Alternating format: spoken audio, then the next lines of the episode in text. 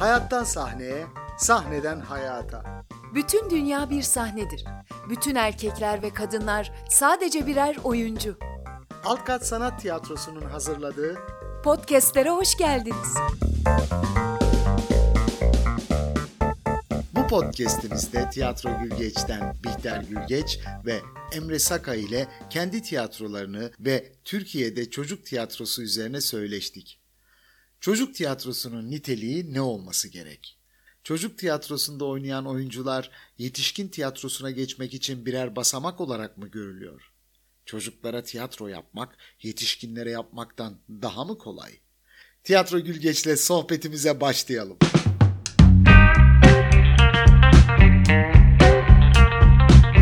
Hoş geldiniz. Hoş bulduk. Merhaba. Öncelikle ağırlıklı olarak çocuklar için tiyatro ya da diğer ifadesiyle çocuk tiyatrosu yapıyorsunuz. Tiyatro Gülgeç Çocuk Tiyatrosu bağlamında işini layığıyla yapan bir ekip. Aynı zamanda kukla tiyatrosunu da öne çıkartıyorsunuz. Biraz Tiyatro Gülgeç'ten bahsedip son dönem işlerinize dair biraz bilgi alalım. Sonra da Türkiye'de çocuk tiyatrosu e, hangi boyutta? Biraz bunları tartışmak istiyoruz aslında. E, Tiyatro Gülgeç 2015 yılında kuruldu. E, Bihter ve benim tarafımdan hayata geçen bir tiyatro. Bunu yaparken de bir çocuk tiyatrosu fikrimiz vardı ama bunu nasıl yapalım diye konuşuyorduk. Bihter'in çok fazla kukla deneyimi olduğu için kukla tiyatrosu yapmaya karar verdik. Aslında bunların hepsi anlık gelişti. Elimizde bulunan kuklalarla birlikte aslında yola çıktık. Fakat bu yolda şuna e, kanaat getirdik. Özgün şeyler yapmak istiyorduk. Bu özgün şeylere ulaşmak da çok zordu. Çünkü çocuk oyunu yazarlığı Türkiye'de çok gelişmiş bir şey değil maalesef.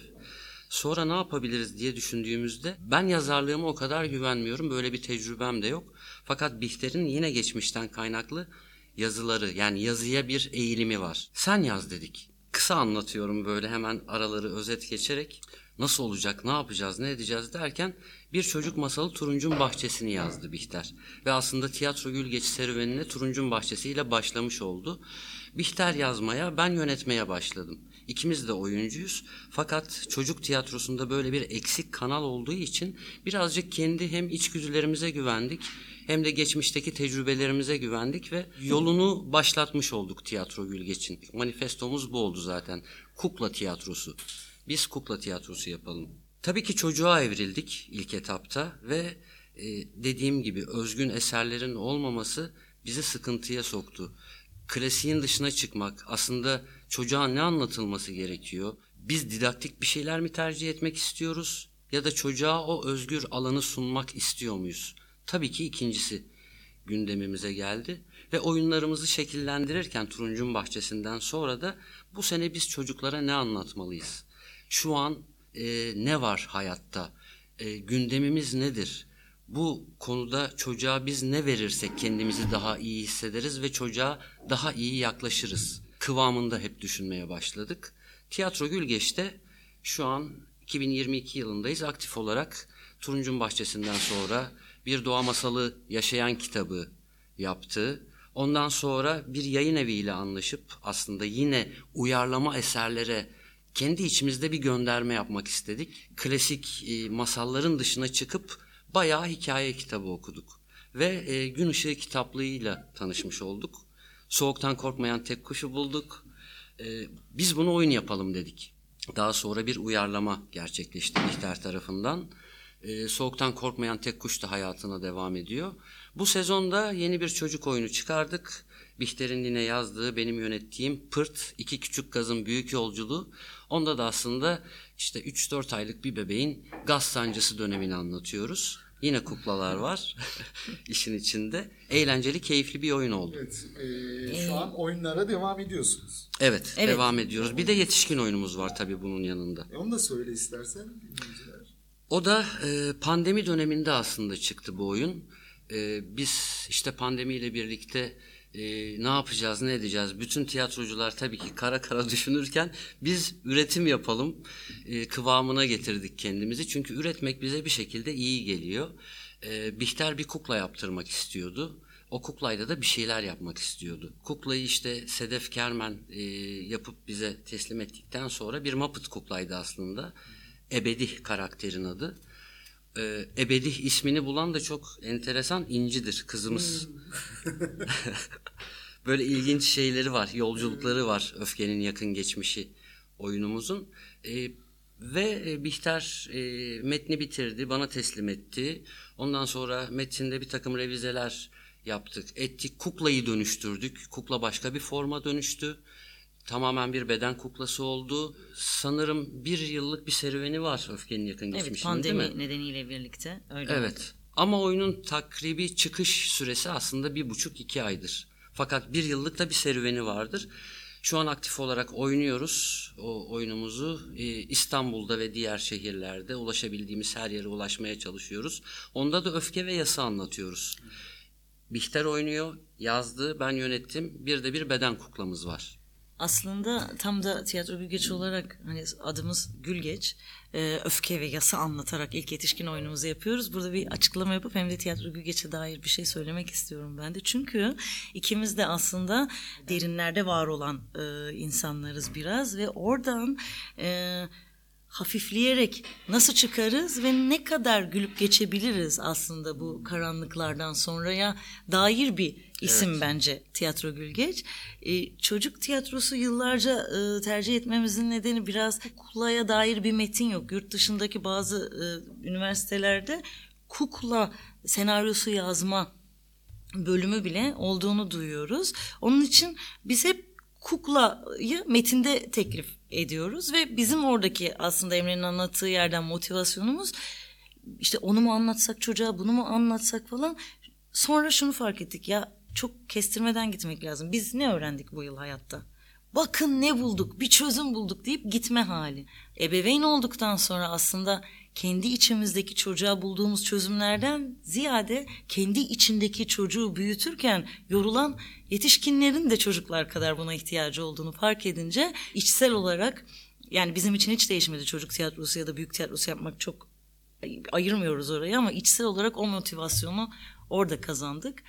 Öfke de yine 12 senelik e, analistimi bir e, bilimsel bir çalışma sürecinde analistimi kaybettim ben ve o 12 senenin üzerine yani böyle iyi gitti her şey falan derken çok ilginç e, bir şey yaşandı ve orada o zaman o oyunu yaparak orada e, tam olarak onu aktarmayı seçmem evet şimdi yetişkinlerle buluşma zamanı dememe denk geldi yani. Aslında bu da tiyatro yapma biçimimizi de şekillendirdi. Hani evet tiyatro Gülgeç'i çocuk tiyatrosu yapan bir tiyatro olarak biliyorlar genel itibariyle. Fakat bizim zihin yapımız da süreçte değişiyor. Biz neden tiyatro yapıyoruz? Kim için tiyatro yapıyoruz? Tiyatro yaparken biz ne hissediyoruz? Ee, yetişkini, çocuğu, genci var mı bu işin? Tabii ki bir takım kriterlerde var ama tiyatro tiyatrodur özünde. Yani oyun oyundur. Biz sahneye çıkıp oyun oynuyoruz. Oyun oynadığınız e, zaman sadece oradaki yaş skalası değişiyor. Fakat o da oyun, o da oyun. Yetişkinlerin de çocuklar kadar masal dinlemeye ihtiyacı var. Ve tiyatroyu niye yapıyoruz? Ben açıkçası tamamen analistimi kaybedince anlatmaya ihtiyaç duyduğum için ve o masalı her seferinde duymaya ihtiyaç duyduğum için. O yüzden diyorum her sahne bir adım. Ben yürüyorum ve şahitlerim var. Yani oyuncu olarak söylüyorum bunu. Evet. Orada öyle bir motivasyon var ve yetişkinlerin o masalı dinlemeye ihtiyacı olduğunu da deneyimledikçe görüyorum. Hemen ötekine de bağlayabilirim. E, iki soru vardı çünkü. E, Türkiye'de çocuk tiyatrosu değil mi? Yanlış hatırlamıyorum. Ee, geleceğim oraya da. Evet. Kukla var. Yok, Kukla ile bir, ilgili. bir soru daha vardı orada. Ben bir şey söylemek istiyorum kukla ile ilgili. Kukla e, yani tiyatro bilgi için kukla eğilimiyle Evet. ilgili. Aslında e, yaratıcılık ve ifade alanında kukla seyirciyle daha e, kestirmeden çok daha samimi bir e, ilişki kuruyor. İfade ve yaratıcılık olarak çok daha çabuk bir bağ kuran bir şey ve bu bizim tabii ki çok işimize Evet. geliyor anlatı olarak. Şimdi ben birazcık böyle üstten bodoslama bir soru sormak tamam. istiyorum. Bir de artık siz de ebeveynsiniz. Ee, çocuk büyütüyorsunuz. İnci 4 yaşında oldu. Evet. Çocuk Hakları Evrensel Bildirgesi'nde çocukların kültürel ve sanatsal haklarının olduğunu yazar.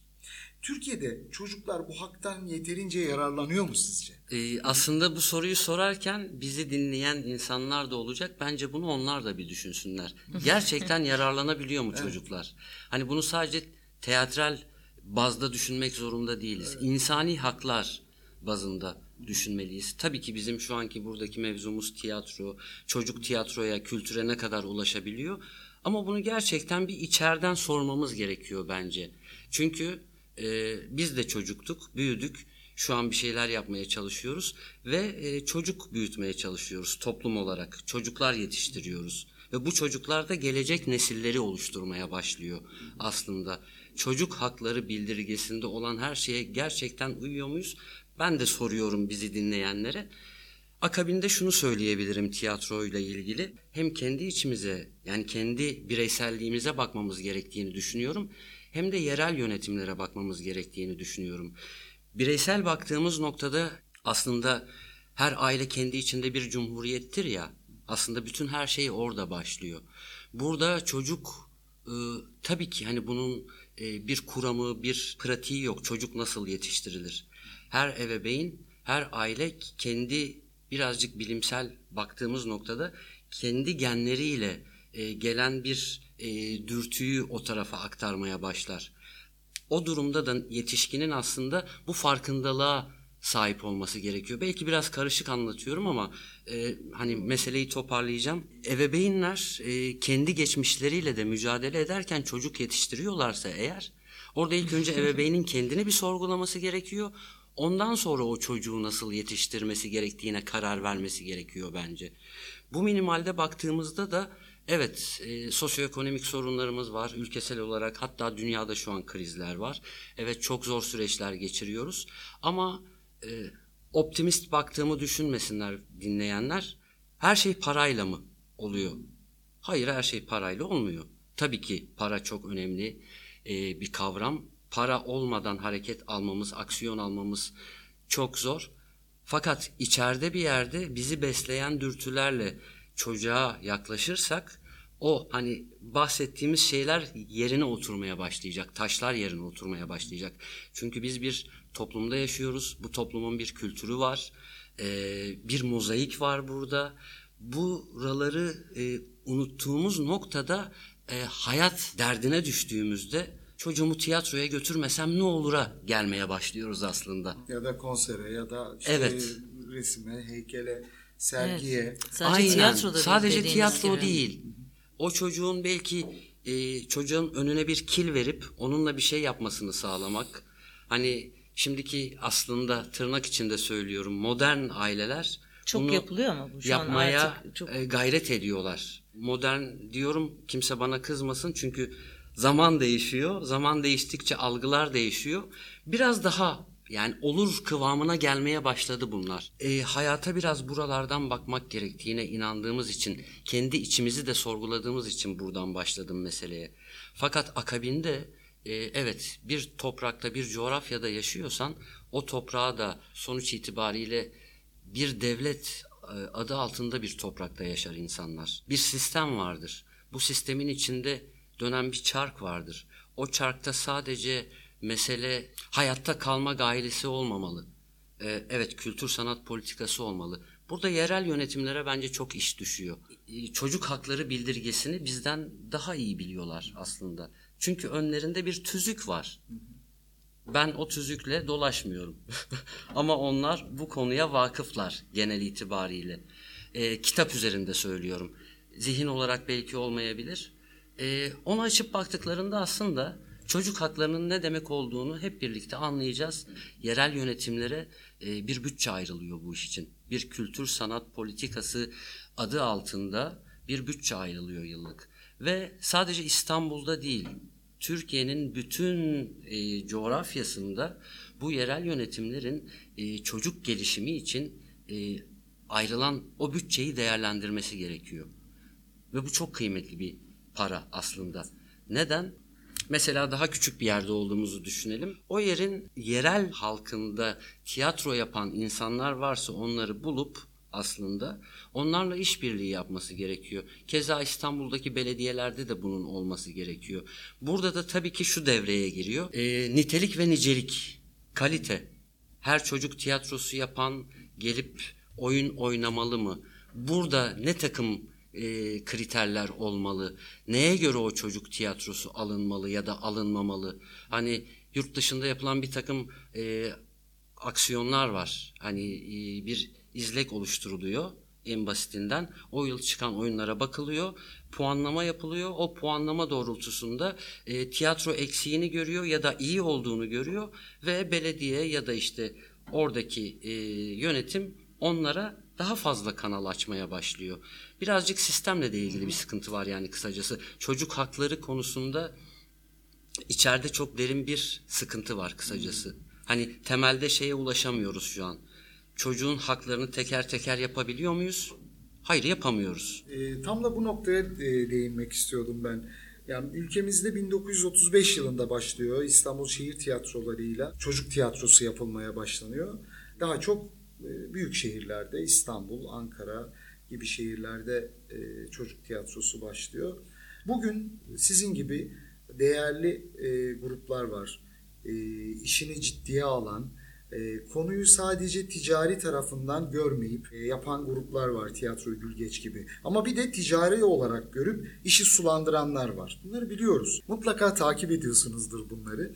Belki kimi tiyatrocuların da ciddiye almadığı bir alan oldu yıllarca çocuk tiyatrosu. Bu konuda esas sorun nerede sizce? Çocuk tiyatrosu, ıı, yetişkin tiyatrosu kavramlarında bu kavramları biz oluşturuyoruz aslında. Hmm. Aslında söylemek çok zor. Hani orada bir pazar oluşuyor. Sistemde de böyledir ya. Çocuk e, alanında bunu ürün olarak da düşünebilirsiniz. Daha fazla ürün ortaya çıkar. Kadın e, minimalinde baktığımızda genelde kadınlara dair ürünler daha fazla ortaya çıkar. Sanki bilmiyorum bunu şu an sesli düşünüyorum. E, bunu da öyle bir kotaya koyuyoruz gibi bir izlenim var. Çünkü demin sorduğun e, şeyden yola çıkarak söylüyorum bunu. E, bunu bir pazara dönüştürme derdi mi var acaba? Yi ben de kendime soruyorum. Başta söylemiştiniz ben... aslında. Yani tiyatro tiyatrodur. Evet. Çocuk tiyatrosu, evet, evet, yetişkin tam... tiyatrosu diye ayırmamak gerekiyor. Bu ayrım doğduğu için mi acaba daha e, dediğin gibi kalitesiz işler yapılmaya başlanıyor? Bu ayrımdan dolayı mı? Ben e, şöyle bir şey söyleyebilirim. En başta aslında bu e, demin sorduğunuz soruya da yanıt e, gelecektir çocuğu e, ciddiye almamakla ilgili bir şey. Yani çocuğu küçümsüyoruz. Çocuğun bir birey olduğu bilincinde biz olmadığımız için orası e, yani aynen öyle. Biz hiçbir zaman çocuk tiyatrosu ya da büyük tiyatrosunun bir farkı olduğunu düşünmedik. Sanat e, yapıyor olmakla ilgili bir e, şey var orada aktarım var. Çocuk da aynı ruhta sadece e, bilinç seviyelerinde bir değişiklik var ama evet. biz o bilinçte yaklaşmayabiliyoruz. Yani diğer tiyatrolar için söylüyorum ve e, aileler de yine aslında çocuğuna bir sürü e, etkinlik sunmak isteyen, çocuğuyla çok daha e, fazla şey paylaşmak isteyen ve oraya çok daha fazla şey vermek isteyen bir kuşak var. Şimdi burada sanat ve özgürleştirmek ve hayal dünyasına bırakmakla bilgi vermekle ilgili zaten yetişkin olarak da böyle çok ikilemlerde kalıyoruz e, dünyada. Orada da kafalar karışınca bence e, buraya da çok fazla o ticari şeyler sızıyor. Gerçi ticari şeyler bugün psikoloji alanında da çok sızıyor. Her evet, alanda evet. sızıyor ama çocuk tiyatrosu bunun gerçekten çok e, kullanıldığı e, şeylerden birisi. Halbuki Mesela beni bugün yetişkin tiyatrosuna çocuk seyirciler hazırlamıştır. Tamamen e, çocuk diye bakıldığı için yani. Yani bugün e, Türkiye'de gerek özel gerek e, devlet e, tiyatro bölümleri var, oyunculuk bölümleri var. Burada daha çok yetişkinlere dönük oyunculuk anlayışı e, benimseniyor. Bu okullarda özel olarak çocuk oyunları oynamak üzere e, oyuncular yetiştirilmeli midir? Ekstra bir e, eğitim gerekli midir çocuk tiyatrosu yapan oyuncular için?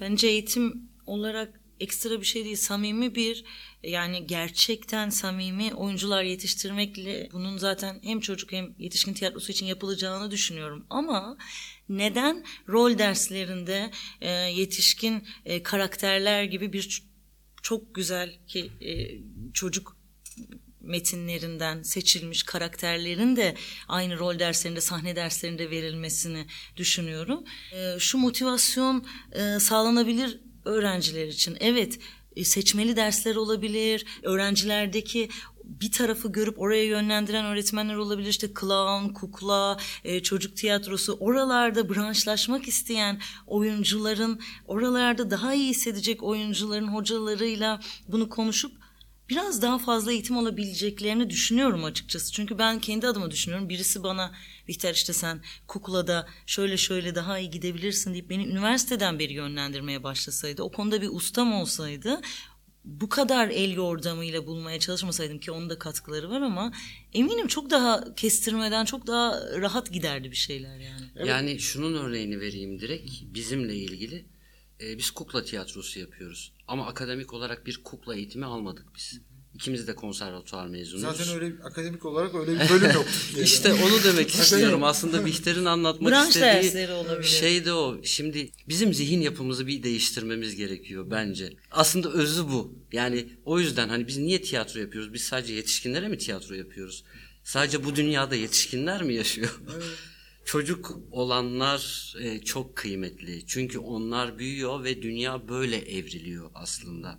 Üniversitelerde de şu an birkaç üniversite var böyle buraları kırmaya çalışan ufak ufak ama tiyatro ve oyunculuk bölümü mezunu olduğunda kendi adıma söyleyeyim işte benim okuduğum üniversitede evet ben şanslıydım iyi hocalarım vardı herkes bu kadar şanslı olmayabilir ama tabii ki yine çocuğa dair çocuk tiyatrosuna dair hem akademik olarak hem pratik olarak böyle bir bilgiye sahip olmadım. Bu bilgiyi aslında kendi el yordamımızla hep bulmaya çalıştık. Çünkü bana e, üniversitede bak çocuk tiyatrosu böyle yapılır diye kimse bir şey demedi. Ben hem alaylıyım hem konservatuarlıyım. E, çocuk tiyatrosunu aslında sahada öğrendim ben. Ee, en kötü şartlarda bir miktar pedagoji öğretilse bu insanlara Evet. çocuklara nasıl yaklaşılacaklarını Evet. öğrenseler e, Evet. çocuğu anlasalar oyunculuklarını da bunun üzerine geliştirebilirler. Ama biz Türkiye'de dediğin gibi e, oyuncular ya atılıyoruz e, oyunun içine hadi burası bir eğitim alanı olsun çocuk tiyatrosu deyip genç oyuncuları oraya atıp bir eğitim alanına dönüştürüyoruz. E, ondan sonra e, oradan da çok ona önemli bir şey çıkmıyor aslında. Doğal olarak şöyle bir şey oluyor. Hemen söyleyeyim. Konservatuardan yeni mezun arkadaş diyor ki benim para kazanmam lazım. Nereden kazanacağım? Çocuk tiyatrosundan. Böyle bir zihniyetle zaten ilerleyemeyiz. Ama oradaki o öğrencinin de suçu değil bu. Tamamen sistemin suçu. Bihter'in dediği gibi bizim branşlaşma şansımız yok. Bir kukla birimimiz yok. Bir klan birimimiz yok. Bir fiziksel tiyatro birimimiz yok üniversitelerde. Bahçeşehir Üniversitesi'nde kukla bölümüne dair mesela bir açılım yaratılmaya başlandı. Ee, sevindirici bir haber bu. Mimar Sinan Üniversitesi'nde e, sahne sanatları dersi var. Orada kukla yapımı üzerine e, ders seçmeli mi değil mi or- orasını bilmiyorum. Orada ders görüyor öğrenciler. Benim bildiğim şu, bu ikisi mesela. Akabinde bildiğiniz bir şey varsa siz de paylaşın. Ama bunun yaygınlaşması gerekiyor. Sadece kukla için de değil. Tiyatro tek yerden yürüyebileceğimiz bir yol değil. Tiyatro çok lebiderya bir deniz çünkü. Şeyi söylemek istiyorum. Pedagoji dediniz. Burada hemen çok güzel bir örnek vermek istiyorum. Bir oyun yapıyorduk. Çocukların çok empati kuracağı bir karakter. Ee, şöyle bir replik var oyunda. Ee, Tarçın'ı dedesinin yanına e, götürelim. Oyuncu da işte Tarçın dedesine bırakalım diyor. Ben de orada ona ben çok uzun yıllar psikolojik olarak kendimle de çalışmış birisi olduğum için bırakalım dememelisin dediğimde mesela çok büyük şaşırıp neden? Çünkü o zaman ona empati kuran çocuk hakikaten beni bırakacaklar. Bir yere gittiğinde beni bırakıyorlar duygusundan çıksın diye de yapıyoruz o oyunu. Götürüyorlar dedesiyle güzel vakit geçirmek. O kadar fark ediyor ki şok geçirmişti mesela. Üniversitede psikoloji zorunlu ders dışında birazcık e, görüyor olmalıyız yani. Tiyatro psikoloji bence hiç ayırmadan yol alması gereken iki branş. Çünkü yaptığımız iş psikolojik bir iş. Ee, ve burayı çok atlıyoruz. Neden çocuk tiyatrosunda pedagoji soruluyor da yetişkin tiyatrosunda sorulmuyor mesela? 12 yıl o kuklaya başladığım zaman bunu bilimsel bir alanda analizimi kendi analizimizde yaparak götürdüğüm için çok başka e, katkıları oldu benim e, sahnelerime, yazılarıma. Sen Evet, biliyorsun yani. evet. O çok kıymetli. Biz birazcık da böyle yol almayı da seviyoruz bu arada tiyatro gülgesi Bilim ve olarak. sanatın o işbirliği. Bilim ve sanat bence iki kıymetli alan. E, bilimden yararlanmalıyız. E, tiyatro yapan, sahneye çıkan, oyun oynayan kişiler yararlanmalı. Çünkü bir karakter yaratırken de aslında psikolojik bir sürü açılımlar yaratmaya çalışıyoruz oyuncu kişisi olarak. Bu ama hiç fark etmeden çocuk tiyatrosunda da, yetişkin tiyatrosunda da, gençlik tiyatrosunda da yani ne tür tiyatro yapıyorsanız yapın olması gereken bir dürtü bence. Bizce aslında. O çocuğu işte e, bırakmak ve götürmek üzerine siz bunu tartışıyorsunuz. Ne kadar önemli olduğunu, aslında bu ayrımın önemli olduğunu söylüyorsunuz. İşte yıllar önce ünlü bir e, yazarımızın e, çocuk e, oyununu okumuştum. Orada bir e, karakteri fırına atıp pişiriyorlardı mesela. Evet. Öyle bir şey okumuştum. yani şaşırmayın. Ama zaten çocuğa sokakta da yiyeceğim seni yerim diyen yetişkinlerle dolu olduğumuz için burası çok ayrı bir e, muhabbetin konusu. Yetişkinler olarak acıklı. çocuğa davranış şeklimizi de bir değiştirmemiz, gözden geçirmemiz gerekiyor. Yılların bir alışkanlığı var Türkiye'de çocuk tiyatrosu ya da çocuklara yapılan tiyatro üzerine. Hep bir yarar, fayda bekleniyor. Ya da tematik kimi şeyler var. Örneğin işte temizlik, diş fırçalama gibi, elini Evet. yıkama gibi e, temalarla çocuk tiyatrosu yapılıyor. Bu tiyatrolar için de yaratıcılığın önünü kesen kof bir anlatıma dönüşmüyor mu? Bugün hala böyle çocuk tiyatrosu yapan gruplar var. Var. Şaşırabilirsiniz ama var. Var. Evet yetişkinlerden de ziyade en e, soyut şeyleri anlatabileceğimiz seyircimiz çocuk. Çünkü onların bakış açısına biz sanat yaparken filan erişebiliyoruz. Onun için onların çok başka bir dünyaları var ve orada biz de tercih etmiyoruz. Bu bir tercih meselesi ama didaktiklik eğer bir ihtiyaçsa da tiyatronun çocuğa bir şey öğretmek için kullanılabileceğini değerlendirebileceği konusunda da didaktik olmamaya çalışmayı öğrendim süreç içinde. Şimdi ilk başta çok karşıydım. Evet didaktik olmamalı. Biz de tercih etmiyoruz. Tamam. Ama eğer kaliteli bir biçimde çocuğa diş fırçalamayı anlatmak için tiyatroyu kullanıyorsa ve ailenin de buna ihtiyacı varsa çok da katı değilim artık. Fakat çocuğa bir şey öğretmek üzerinden burayı kullanarak para kazanma amacıyla olmasına karşıyım. Bu eğitim meselesi şuradan kaynaklanıyor aslında. Yani Cumhuriyet'in kuruluşuyla beraber Evet. e, Türkiye'de okuma yazma oranı düşük. 1935'te çocuk tiyatrosu çocukları eğitelim, geliştirelim, değiştirelim anlayışıyla ortaya çıkıyor. Didaktiklik aslında burada başlıyor birazcık daha. Ve o yıllar içerisinde hiç değişmeden ilerliyor. Çok önemli gruplar var işte Anadolu Çocuk Oyunları kolu, AÇOK, Evet, e, evet, bildiğiniz evet, üzere evet. 1973'te kuruluyor. 93'e kadar çocuk tiyatrosu yapıyorlar. Sadece Türkiye'de değil işte Avrupa'ya turnelere gidiyorlar. Çok değerli oyunları var. O didaktik olmaktan uzak. Hele hele o dönemlerde işte sadece böyle didaktik oyunlar yapılırken onlar bambaşka bir yol tutturuyorlar. Sonra e, 93'te de bitiriyorlar artık. Yaşları da Evet.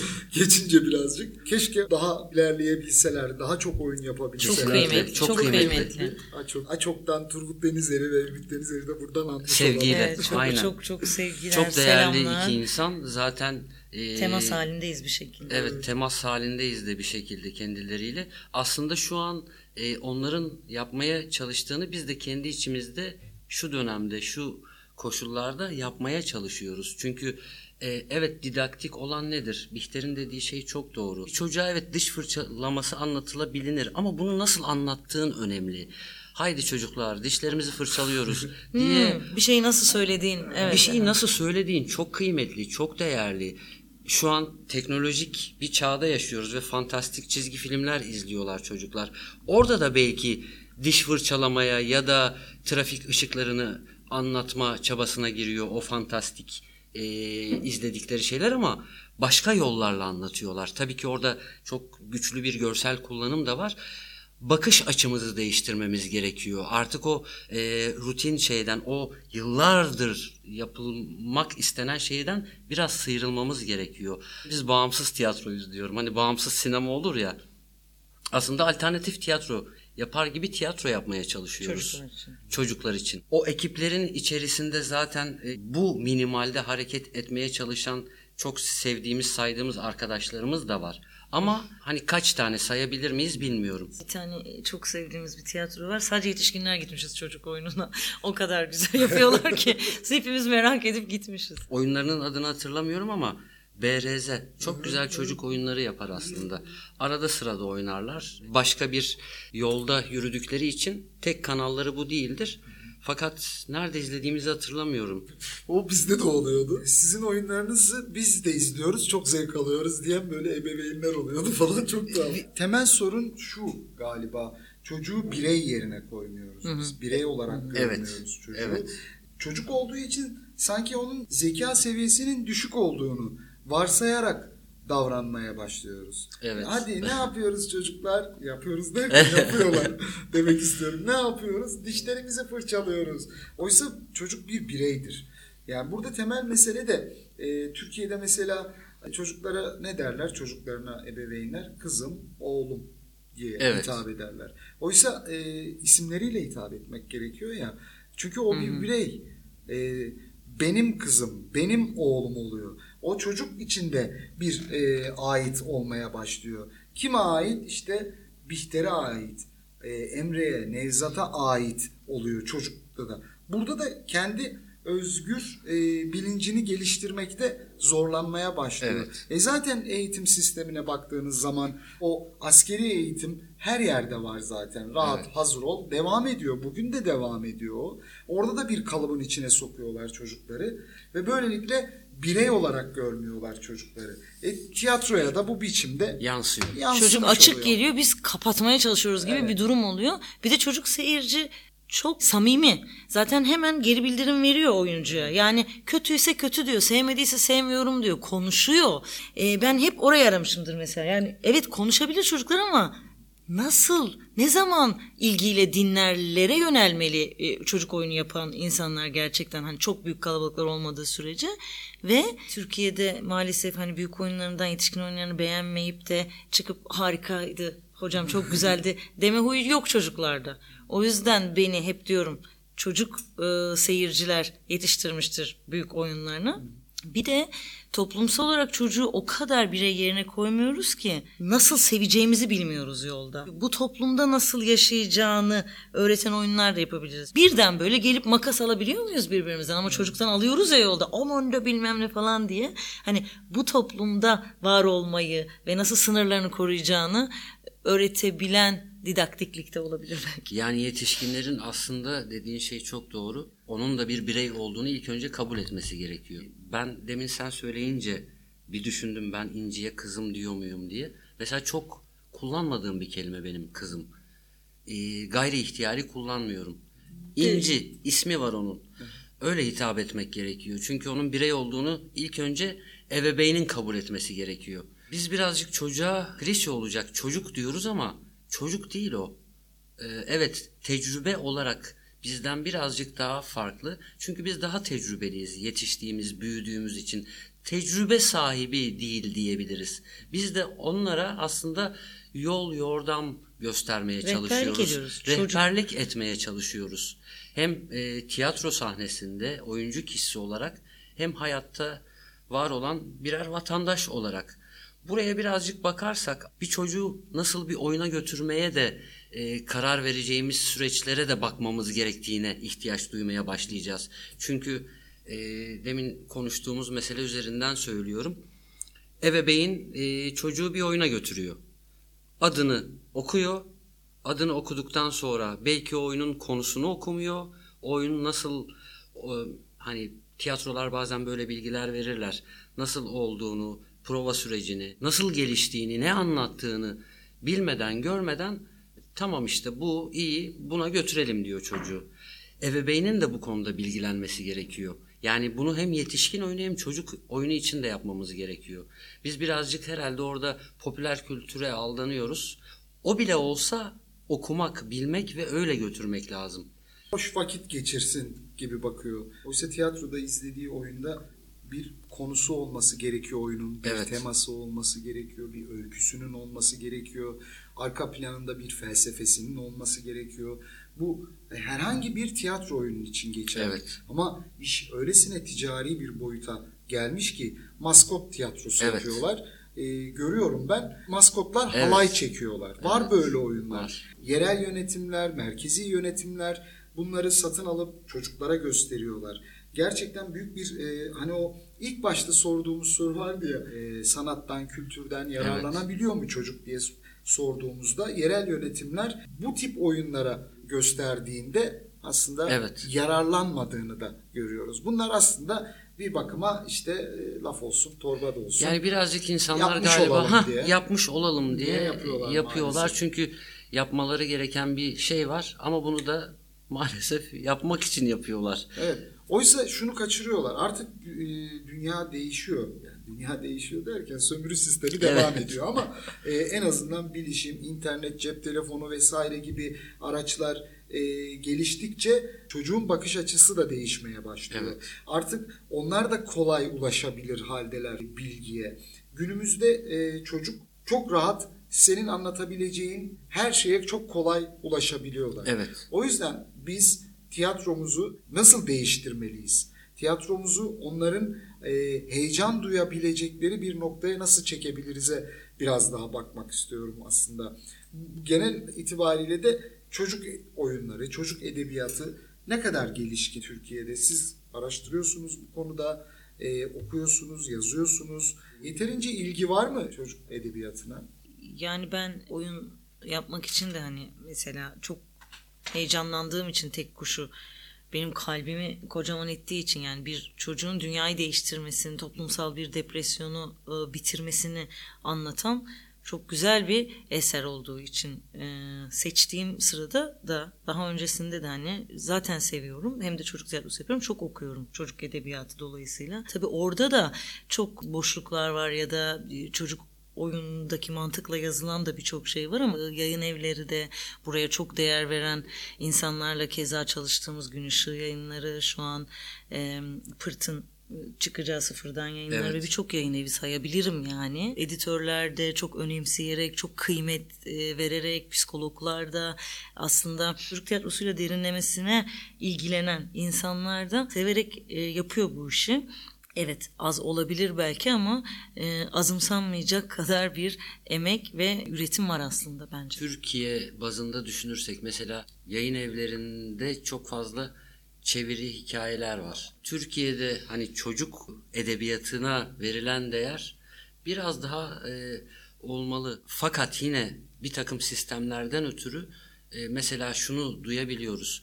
E, kitap basmak şu an masraflı bir iş. Kağıda gelen zamlar, işte o kitabın basım sürecindeki Masraflı de daha masraflı. Yani çünkü e, Türkiye'de- süreçler. Türkiye'de Evet. e, kağıt fabrikalarını kapattılar Evet. biliyorsunuz. Seka e, Cumhuriyet'in en önemli e, Evet. fabrikalarından bir tanesiydi. Buradan Şu an da bakmak kağıt lazım. üretilmiyor Türkiye'de. İşte e, Çin'den falan getiriyorlar. E, Bu olunca da doğal olarak e, mesela diyelim ki birisi çok güzel bir şey yazdı. Bunu nasıl kitaba dönüştürecek? E, Yayın evi böyle bir topa girecek mi?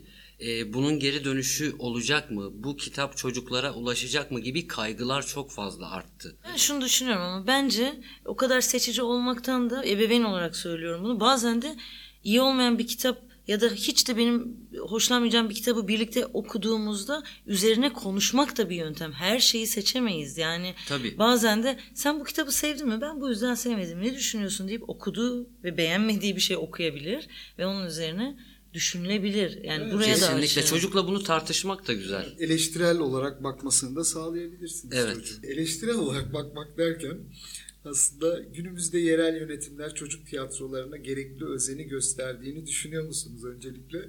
Ee, yoksa çocuklardan oy alamayacakları için bu alanı mış gibi mi yapıp geçiyorlar? yerel yönetimler, merkezi yönetimler. Evet.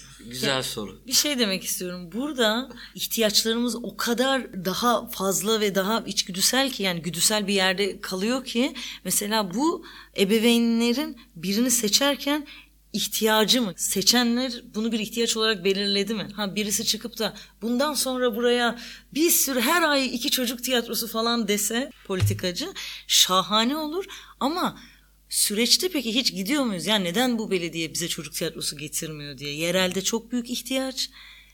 Biz yerel bir yerdeyiz. Evet. Ve biz pandemiden beri oradayız. Söylediğimiz halde biz buradayız diye hiç yani bizi değer yani o orada böyle bir şey var değerlendirilmiyor yani. Ve maalesef evet dışarıdan maskot alınıp oynatılıyor. Buna da şahit yani. olduk. Bu evet. biz biziz diye Evet. biz oradayız diye değil yani.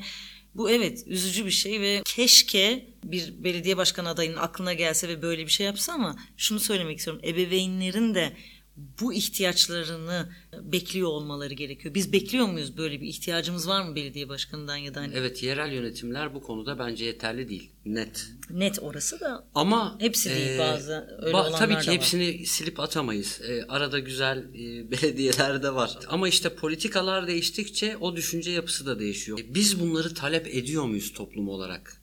Bir de bu var. Şimdi e, her şeyi devletten bekleme canım sözü vardır ya.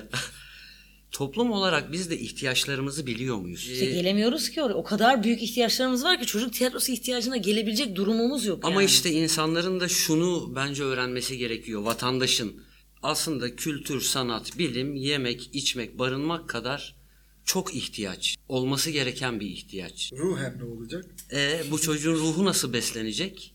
E, burada da evet e, o yerel yönetimde gidip bu ihtiyacını oraya aktarmalı. Biz de aslında e, konuşmayan bir toplumuz. Ya da sözümüzü e, sosyal medyada söyleyen bir toplumuz.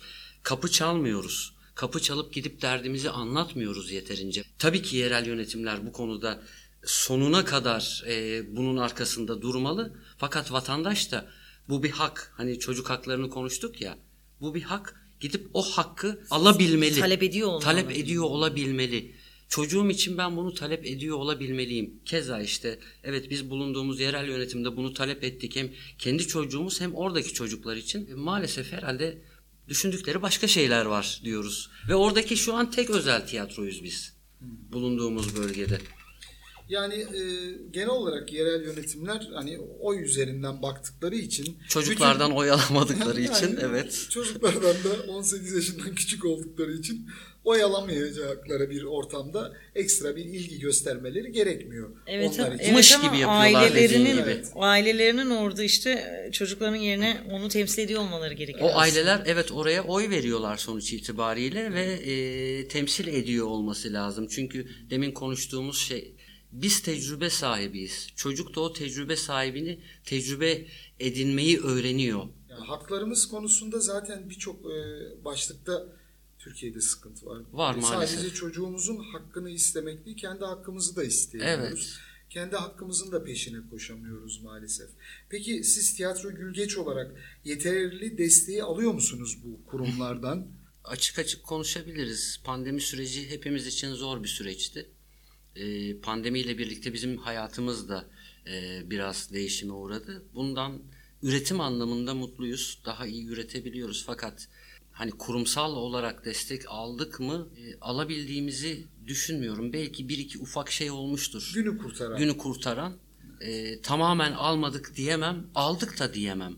Çünkü dediğin çok doğru. Günü kurtaran. Bu konuda işte hem devlet politikası devreye giriyor hem yerel yönetimlerin politikası devreye giriyor. Tiyatroya, sanata destek olmakla ilgili e, projeler yapan kurumlar oldu evet ama böyle bir destek almadık. Böyle bir destek Hatta almadık. enteresan anılar Evet. anlatabiliriz. Destek almayı bırakın bizden hani bu anlamda bir sürü şey Ee, bir de bizi şey zannediyorlar genelde tiyatrocuları aslında. Ya gelip oynarlar ya ne olacak? Ee, yani şunu halen ülke olarak kavramış değiliz. Bu bir iş. Biz bu işten para kazanıyoruz. Realitede baktığımız zaman ve bu işi yaparak evimize ekmek götürüyoruz. Tam karşılığı bu. Biz başka işler yapmıyoruz. Biz konservatuvar mezunu. Bu işe gönül vermiş. Evet amatör ruhumuz var. Evet. Ama bu bizim işimiz. Biz bunu karşılıksız yapamayız.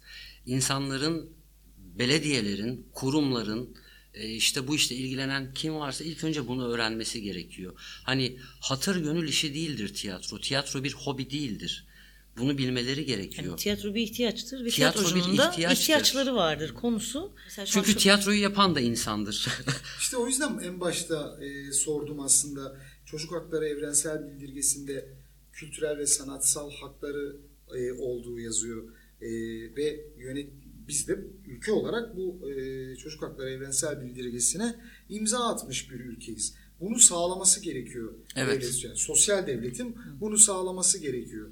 Ya da tam şöyle de söyleyebiliriz. Kültürel ve sanatsal mecrada üretim veren insanların ayakta kalmasını sağlaması gerekiyor ki üretime devam ettirebilsin ve bu haklardan çocuklar da yararlanabilsin. Aslında ilk soru bu yüzden böyleydi. Türkiye'de neresinden tutacaksın? Neyi neresinden tutacaksın? Gerçekten zor. Ee, sadece Türkiye değil, e, kendi ülkemiz değil, dünya evet bir kriz yaşıyor. Fakat bakış açıları farklı. Nasıl farklı? Yurt dışında yaşayan bir meslektaşımız daha güzel haklara sahipken mesleki olarak e, çünkü şöyle bakmıyorlar.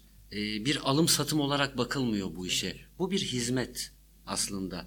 Topluma sunulan bir hizmet. O yüzden sanat ve bilim kıymetli alanlar. Pandemi sürecinde doktorların yaşadıklarını da sanatçıların da yaşadıklarını hatırlıyoruz. Müzisyenlerin, tiyatrocuların ne kadar zor zamanlar geçirdiklerini hatırlıyoruz. Evet bir damla bal belki ağzımıza sürdüler ama e, bu, bu böyle olmaz. Böyle olmamalı da zaten. O yüzden bakış açımızı değiştirmemiz gerekiyor. Ya tiyatroyu yapan kişinin de bunu sorgulaması gerekiyor. Ben neden tiyatro yapıyorum? Bu egosal bir durum değil. Bu aslında topluma nasıl yararlı olabilirizin sorusu. Biz bununla kendimizi iyi hissediyoruz. Kendimizi böyle iyi tanımlıyoruz. Bu mesleği seçiş nedenimiz de bu. Böyle daha iyi ifade edebiliyoruz ve daha yararlı olabildiğimizi düşünüyoruz. Bu bağlamda baktıklarında politikanın da bu güdüyle hareket etmesi gerekiyor.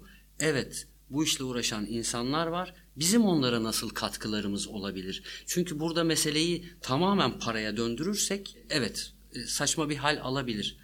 Sadece sorun burada para değil, zihniyet meselesi de var. Zaten o zihniyet meselesi değiştiği zaman tiyatrocularda, müzisyenlerde, sanatla uğraşanlarda, doktor olanlar da geçim sıkıntısı da yaşamamış olacaklar aslında. Hani biz geçim sıkıntısı yaşayarak üretmeye çalışan insanlarız aynı zamanda. Genel itibariyle Türkiye standartlarında. Durum bu evet neresinden tutarsan dediğin gibi elinde kalıyor. Fakat biz üretmeye devam ediyoruz, edeceğiz de. Yerel yöneticilerin birazcık daha e, bu ihalelerden falan sıyrılıp ihale peşinde koşmaktan sıyrılıp cebinin gündemine değil de toplumun gerçek gündemine bakmaları, kültürel olarak, sanatsal olarak geliştirmeleri e, için çaba sarf etmeleri gerekiyor. Evet şu ihaleleri bir bitirirlerse e, herkes rahatlayacak. Ya tabii çünkü Zaten bir şey kalmadı Türkiye'de Evet, bildiğiniz evet, üzere. kalmadı. Biz de onu söylüyoruz. Yani bitsin artık.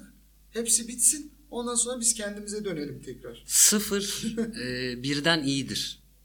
Yani e, sıfır olmak güzeldir aslında. Oraya gelirsek bence e, yani daha e, temiz bir sayfa açıp hayata tekrardan bir bakmayı öğrenirsek bence bir şeyler daha güzel olacaktır. Çünkü umudumuz olmasaydı e, hani şu an herhalde birçok gerçi bırakan e, dükkan kapatan e, tiyatrosunu kapatıp giden bir sürü meslektaşımız da oldu. Fakat bir şekilde halen direniyorlar ve var olmaya çalışıyorlar kendi koşullarında. Tiyatroyu şey olarak görüyoruz ya biraz eğlence aracı. Tiyatro bir eğlence aracı değil. Tabii ki insanlar eğlenirler tiyatro izlerken ama bu kalıplardan da sıyrılmamız gerekiyor. Bir oyun neden yasaklanır mesela? Bunu bir sorgulamak gerekiyor. Sanat, bilim yine devreye giriyor burada. Umarım e, dediğin sıfır yeni bir ülke, yeni bir dünya için ivme nedeni olur. Umarız. E, diyorum. E, her ivmeden de daha aydınlık günler çıkıyor. Bunu Çıkar. tarihte gördük zaten. Umarım ülkemiz için de öyle olur. Çok teşekkürler Bihter, Emre. Bizimle çocuk tiyatronuzu paylaştınız. Ee, çocuk tiyatrosu hakkında fikirlerinizi, ülkemizle ilgili fikirlerinizi paylaştınız. Çok sağ olun. Sevgili dostlar, bugün Tiyatro Gülgeç'ten Bihter ve Emre bizimleydi. Onlara çok teşekkür ederiz. Teşekkürler. Teşekkürler.